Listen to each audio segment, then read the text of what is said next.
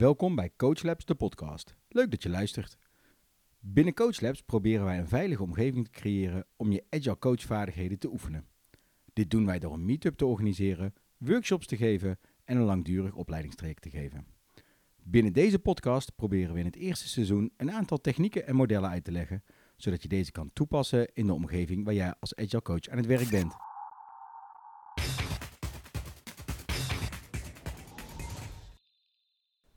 Welkom bij een nieuwe aflevering van Coach Labs, de podcast. Welkom Maarten. Yes, welkom Gert-Jan. Leuk om hier weer te zijn. Ja, zeker. Ja, we zitten nog steeds niet bij elkaar, maar we, het lukt ons gewoon weer om een nieuwe aflevering op te nemen. En dit wordt zelfs de laatste aflevering van ons eerste seizoen. Ons eerste uh, Hoe maken we een podcast leuk seizoen. Oh, en wat vond ik dit een leerzaam traject, Gert-Jan? Ja, ik ook wel. Ik heb de uh, laatste keer de eerste teruggeluisterd. En uh, nou, we hebben hem toen maar gewoon online gegooid. En ik denk dat dat heel goed is. Maar nou, we hebben best wat geleerd, denk ik, de afgelopen periode. Dus nou, ik denk dat dit een mooi moment is om de laatste op te nemen. En te kijken hoe we in het vervolg verder gaan. En heb je daar nou ideeën over? Heb je tips of tricks voor ons? ja, stuur ze naar ons. Kan via Twitter, uh, via Instagram, maar ook gewoon een mailtje. coach-labs.humanity.com En uh, dan kunnen we dat meenemen. Wij zitten er zelf aan te denken om misschien een aantal van deze afleveringen ook nog in het Engels op te nemen. Dus ik weet niet wat jouw idee is, wat je nu in je hoofd hebt, Maarten. Maar dat was iets Engels. wat we misschien wilden doen. Engels. Uiteindelijk, willen, uiteindelijk willen we de hele wereld bereiken. Dus zeker, laten we het ook in het Engels gaan proberen. En ik ben wel benieuwd hoe de Engelse opname klinkt. Um, wij hebben het de vorige keer, Geert-Jan, hebben wij het uh, in onze podcast kort gehad over de drama-driehoek. En daar deden wij eigenlijk de suggestie van, nou, misschien is dat wel leuk om dan die de volgende op te pakken. Ja, nee, het is ook een term die ik, uh, ook toen ik hem nog niet kende, heel vaak gehoord had. Mensen die zeggen, je stapt in de drama-driehoek. Dus ik denk dat het een goede is om even te bespreken hier. Yes. Uh, nou, eerst drama-driehoek, wat is het? Waar komt het vandaan? Uh, de drama-driehoek is een bepaald model waar je in kan stappen. Uh, het is de, de, heer Cartman, heet hij formeel. dat is ook degene die achter transactionele analyse zit. Dat is een behandelmethode uit de jaren, wat is het, 20 ongeveer. Daar kunnen we in een ander moment nog wel een keer op terugkomen. Maar dezelfde bedenker van het transactionele analysestuk, die had op een gegeven moment inzichtelijk met als je als coach of coachie uh, uh, bezig bent, dan zijn er bepaalde dynamieken die kunnen gaan spelen en rollen die je kunt gaan aannemen als coach. Uh, die noemt hij de drama-driehoek. Ja, precies. Um, Dit is eigenlijk een model wat, wat een bepaald gedrag bespreekt.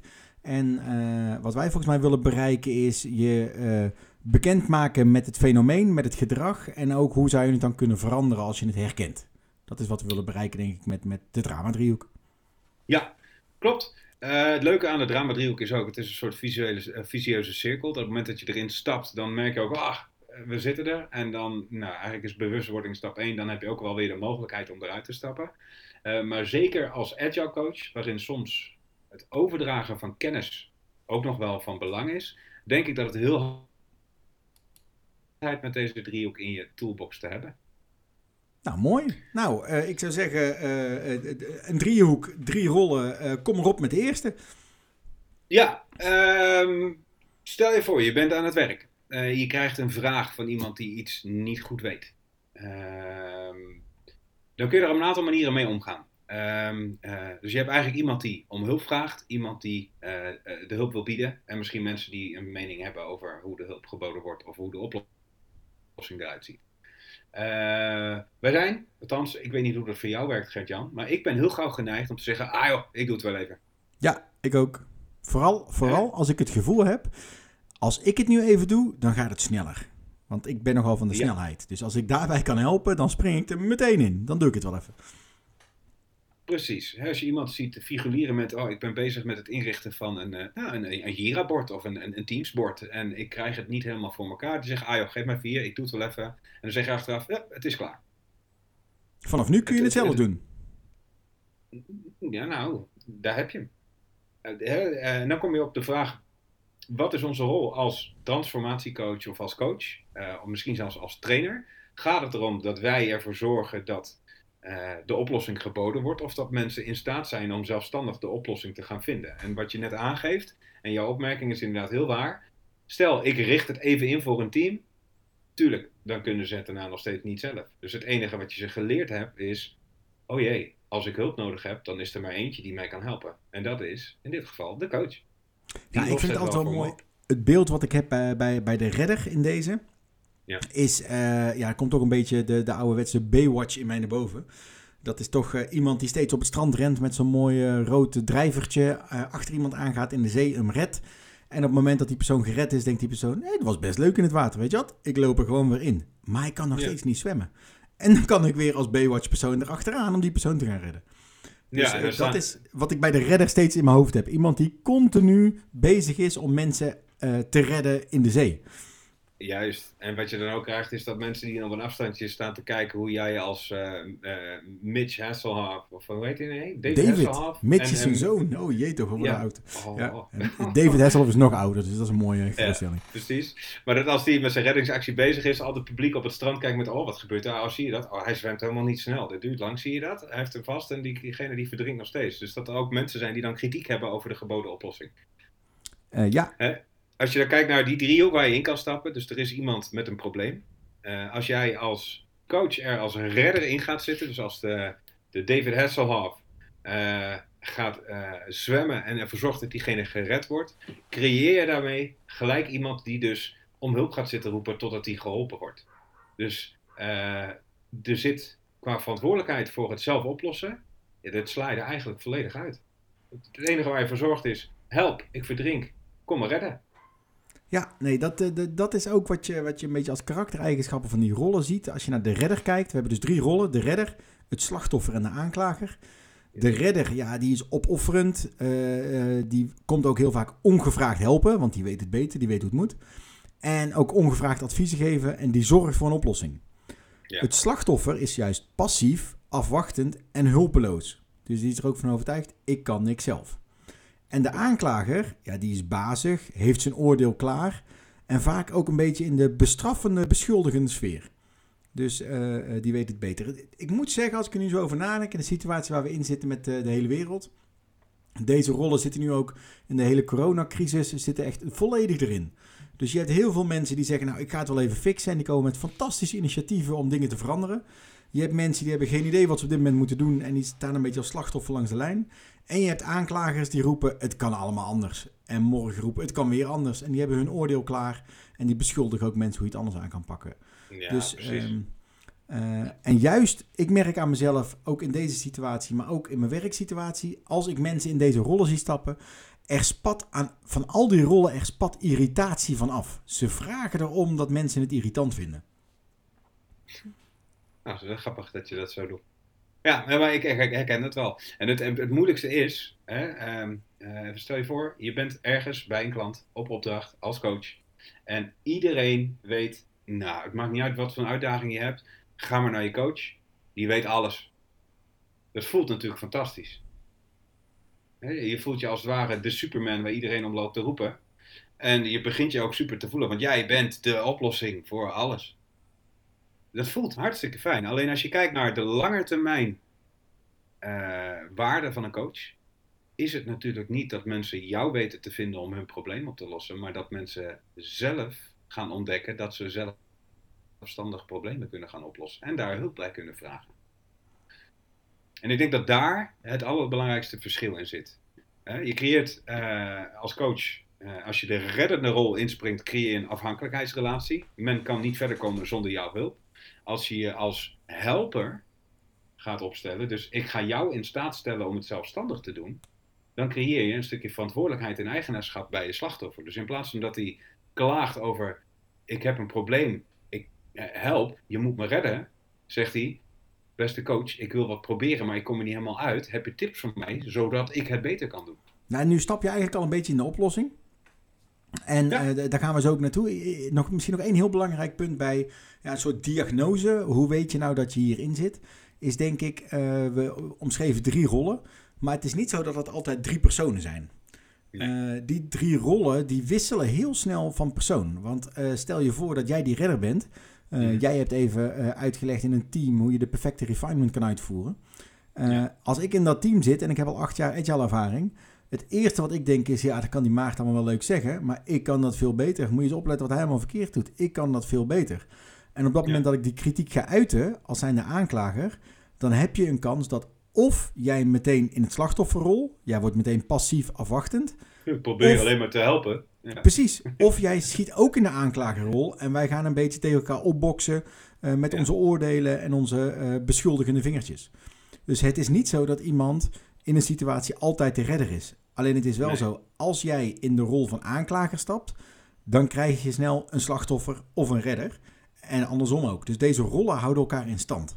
En ze creëren elkaar. En daarom denk ik ook wat je aangeeft. Het had hangt maar een beetje een negatieve. De drama spat er dan ook echt vanaf in zo'n driehoek. Ja, precies. Dus dat, nou, dat gevoel heb ik ook, uh, ook heel erg. Um, en jij zei net al, uh, uh, het, is een, het is een gedragsding. Het is hoe jij je opstelt. Um, ja. Uh, zorg ervoor dat andere mensen ook een bepaald gedrag gaan vertonen. Uh, mooi voorbeeld vind ik nog steeds inderdaad die kinderen die al lang hun veters kunnen strikken en toch bij hun ouders komen om steeds hun veters gestrikt te krijgen. en die ouders die doen dat, want die weten nou, als ik dat doe is het in een seconde klaar. En als zij dat doen zijn ze er voor 30 seconden mee bezig en ik wil het ook echt nu weg. maar uiteindelijk twee weken later wel dat buurmeisje zien wat het wel zelf kan en denken dat zou handig zijn als mijn kinderen dat ook konden. Ja, dat kunnen ze al lang, alleen jij zorgt ervoor dat ze het niet doen. Dus um, uh, ik denk dat we nu dan wel op het punt zijn gekomen. Oké, stel je voor dat je in een van deze rollen stapt. En je wordt bewust bekwaam. Dus uh, je, je, hebt het, of bewust onbekwaam. Je hebt het gevoel van jeetje, ik zie wat er gebeurt. En dan? Wat kun je dan doen? Juist. Ja, dat is natuurlijk een hele lastige. En daar kom je, uh, ik merk dat zelf in mijn huidige opdracht ook. Soms is het goed om juist even de drama driehoek in te stappen. Omdat je op dat moment de moeilijke situatie oprecht verder helpt.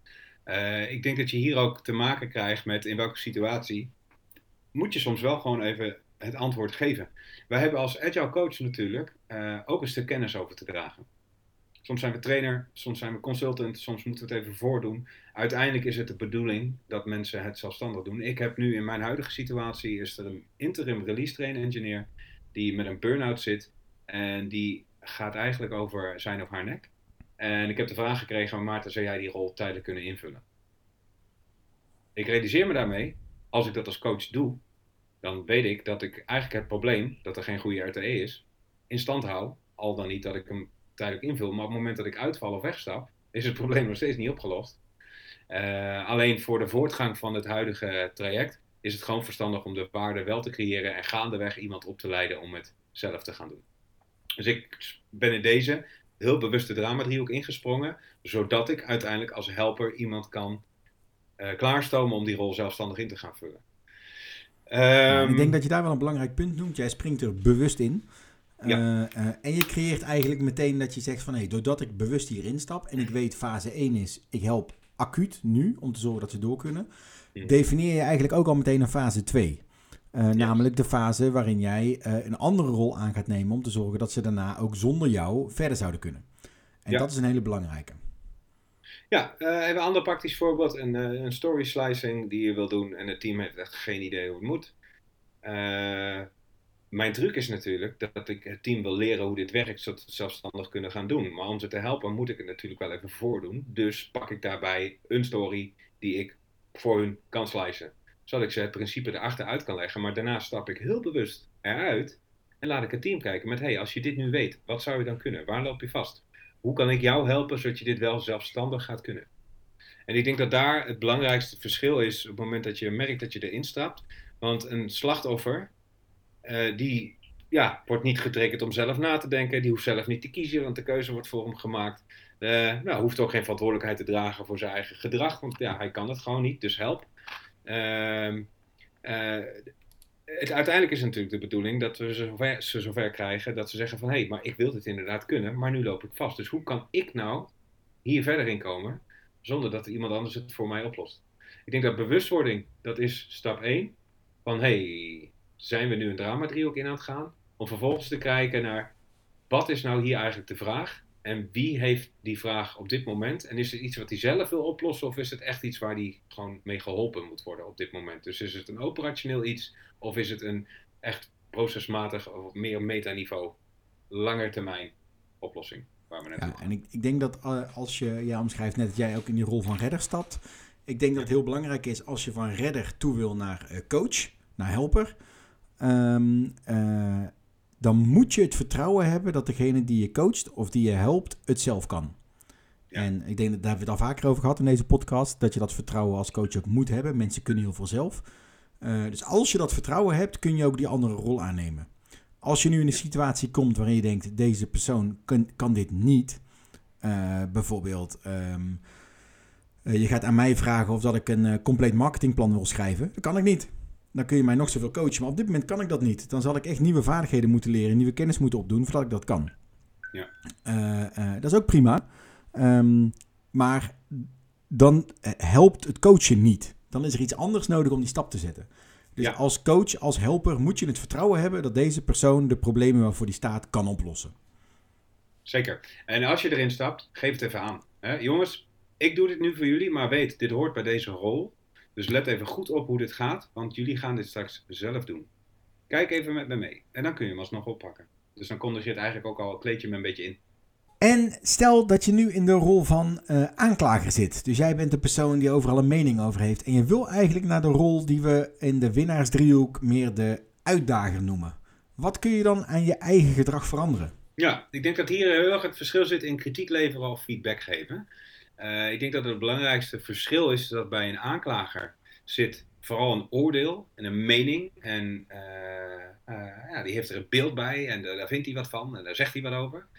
Um, op het moment dat je dat bij jezelf herkent, is het denk ik heel goed om eens terug te gaan naar wat zou ik nu kunnen teruggeven aan diegene, zodat hij daar zelf beter van wordt. Dus niet je beklag doen en je mening vormen, maar teruggeven wat je ziet en een stuk feedback geven, waarmee je dus een soort challenger wordt en mensen tips en tricks mee kan geven.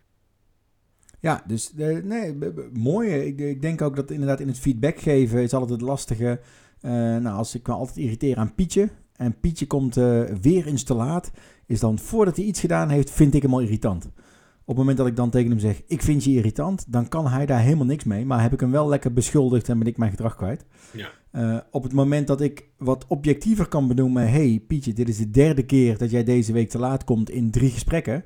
En dat irriteert mij, dan geef ik hem wat meer een feit weer. En heeft hij ook iets wat hij zou kunnen veranderen? Namelijk, als hij wil dat ik hem niet meer irritant vind, zou hij ervoor kunnen kiezen om op tijd te komen.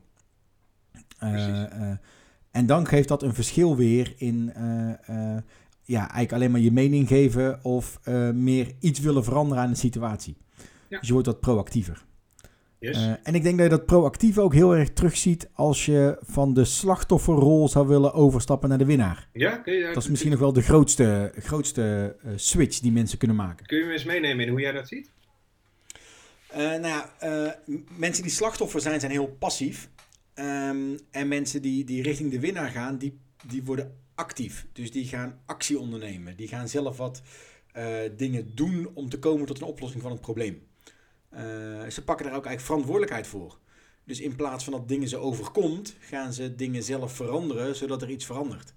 En misschien dat dat niet meteen de gewenste oplossing geeft, maar er is in ieder geval actie bezig om te kijken of dat er iets verandert. Ja, uh, ik denk dat dat het grootste verschil is. Dus voor mij is het grootste verschil: een slachtoffer is passief en een winnaar is actief.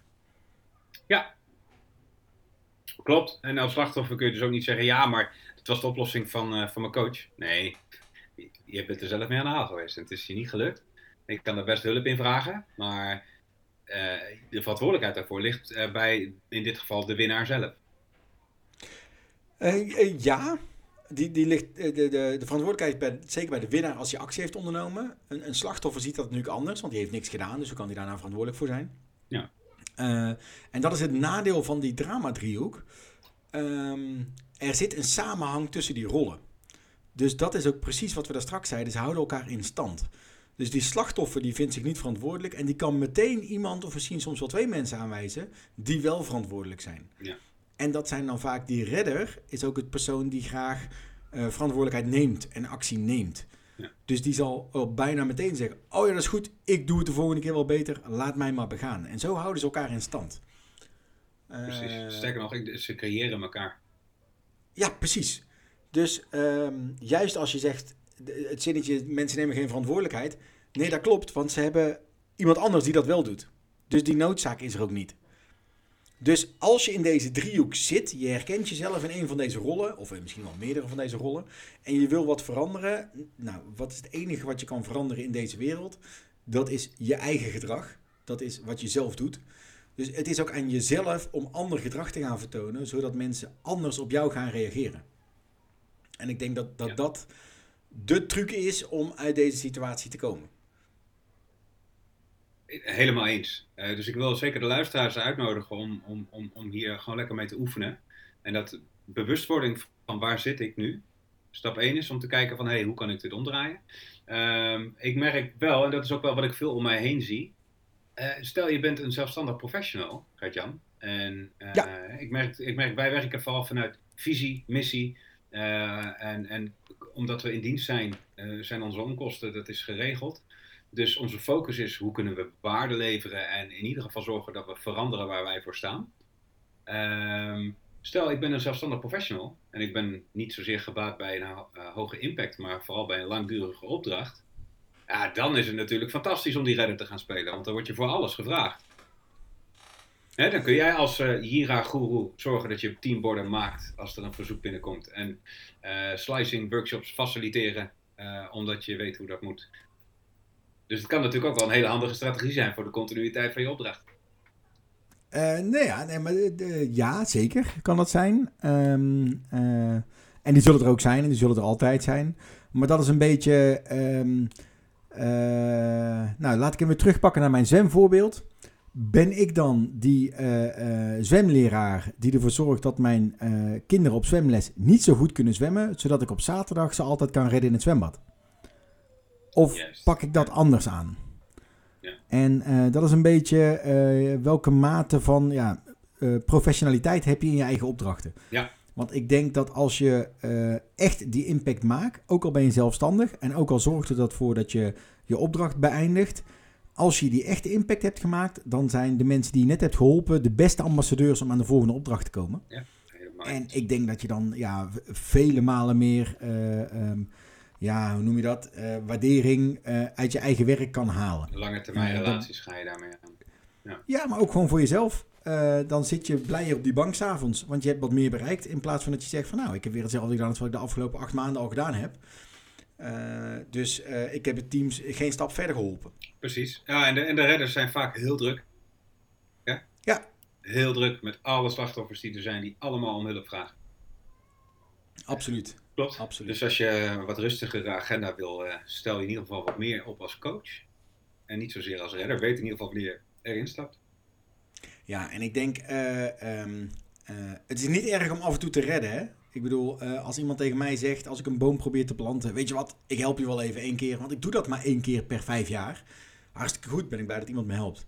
Alleen als je in dingen zit die je bijvoorbeeld in een Scrum-cyclus iedere twee weken opnieuw moet doen, ja, dan is het toch wel fijn als je dat zelf kan doen. Ja. Dus ehm, eh, zorg ervoor dat mensen voor de langere termijn zelf hun acties kunnen ondernemen. Precies. En daarvoor zullen wij als agile coaches ook veel moeten schakelen in de verschillende rollen. Dus de ene keer misschien wel als redder, de andere keer echt als trainer. Dan ben je een, eh, een echte eh, coach, zodat je iemand die om hulp vraagt een winnaar laat zijn in zijn eigen proces. Eh, ik denk dat vooral die rolflexibiliteit en weten wanneer moet ik nou wat inzetten om de meeste impact te maken, voor de impact die nodig is, eh, dat dat gewoon een kwestie is van heel veel kilometers maken. Nou, dit was volgens mij de laatste aflevering in de allereerste serie. Ja, en wat betekent het nou dat het de laatste aflevering is? Dat betekent dat wij eh, niet over twee weken weer een nieuwe maken. Eh, maar dat betekent misschien dat. Misschien is er over twee weken wel een nieuwe. Of misschien wel over een week. Of misschien pas over drie maanden. Wij gaan even nadenken over hoe we dit de volgende keer willen oppakken. Eh, maar we vinden het ontzettend leuk om te doen. Dus eh, dat er iets van een vervolg op een manier komt, daar ben ik wel vrij zeker van. Ja, Bedankt voor het luisteren. bedankt en tot ziens. Deze podcast wordt mede mogelijk gemaakt door Humanity Nederland. The best place to grow.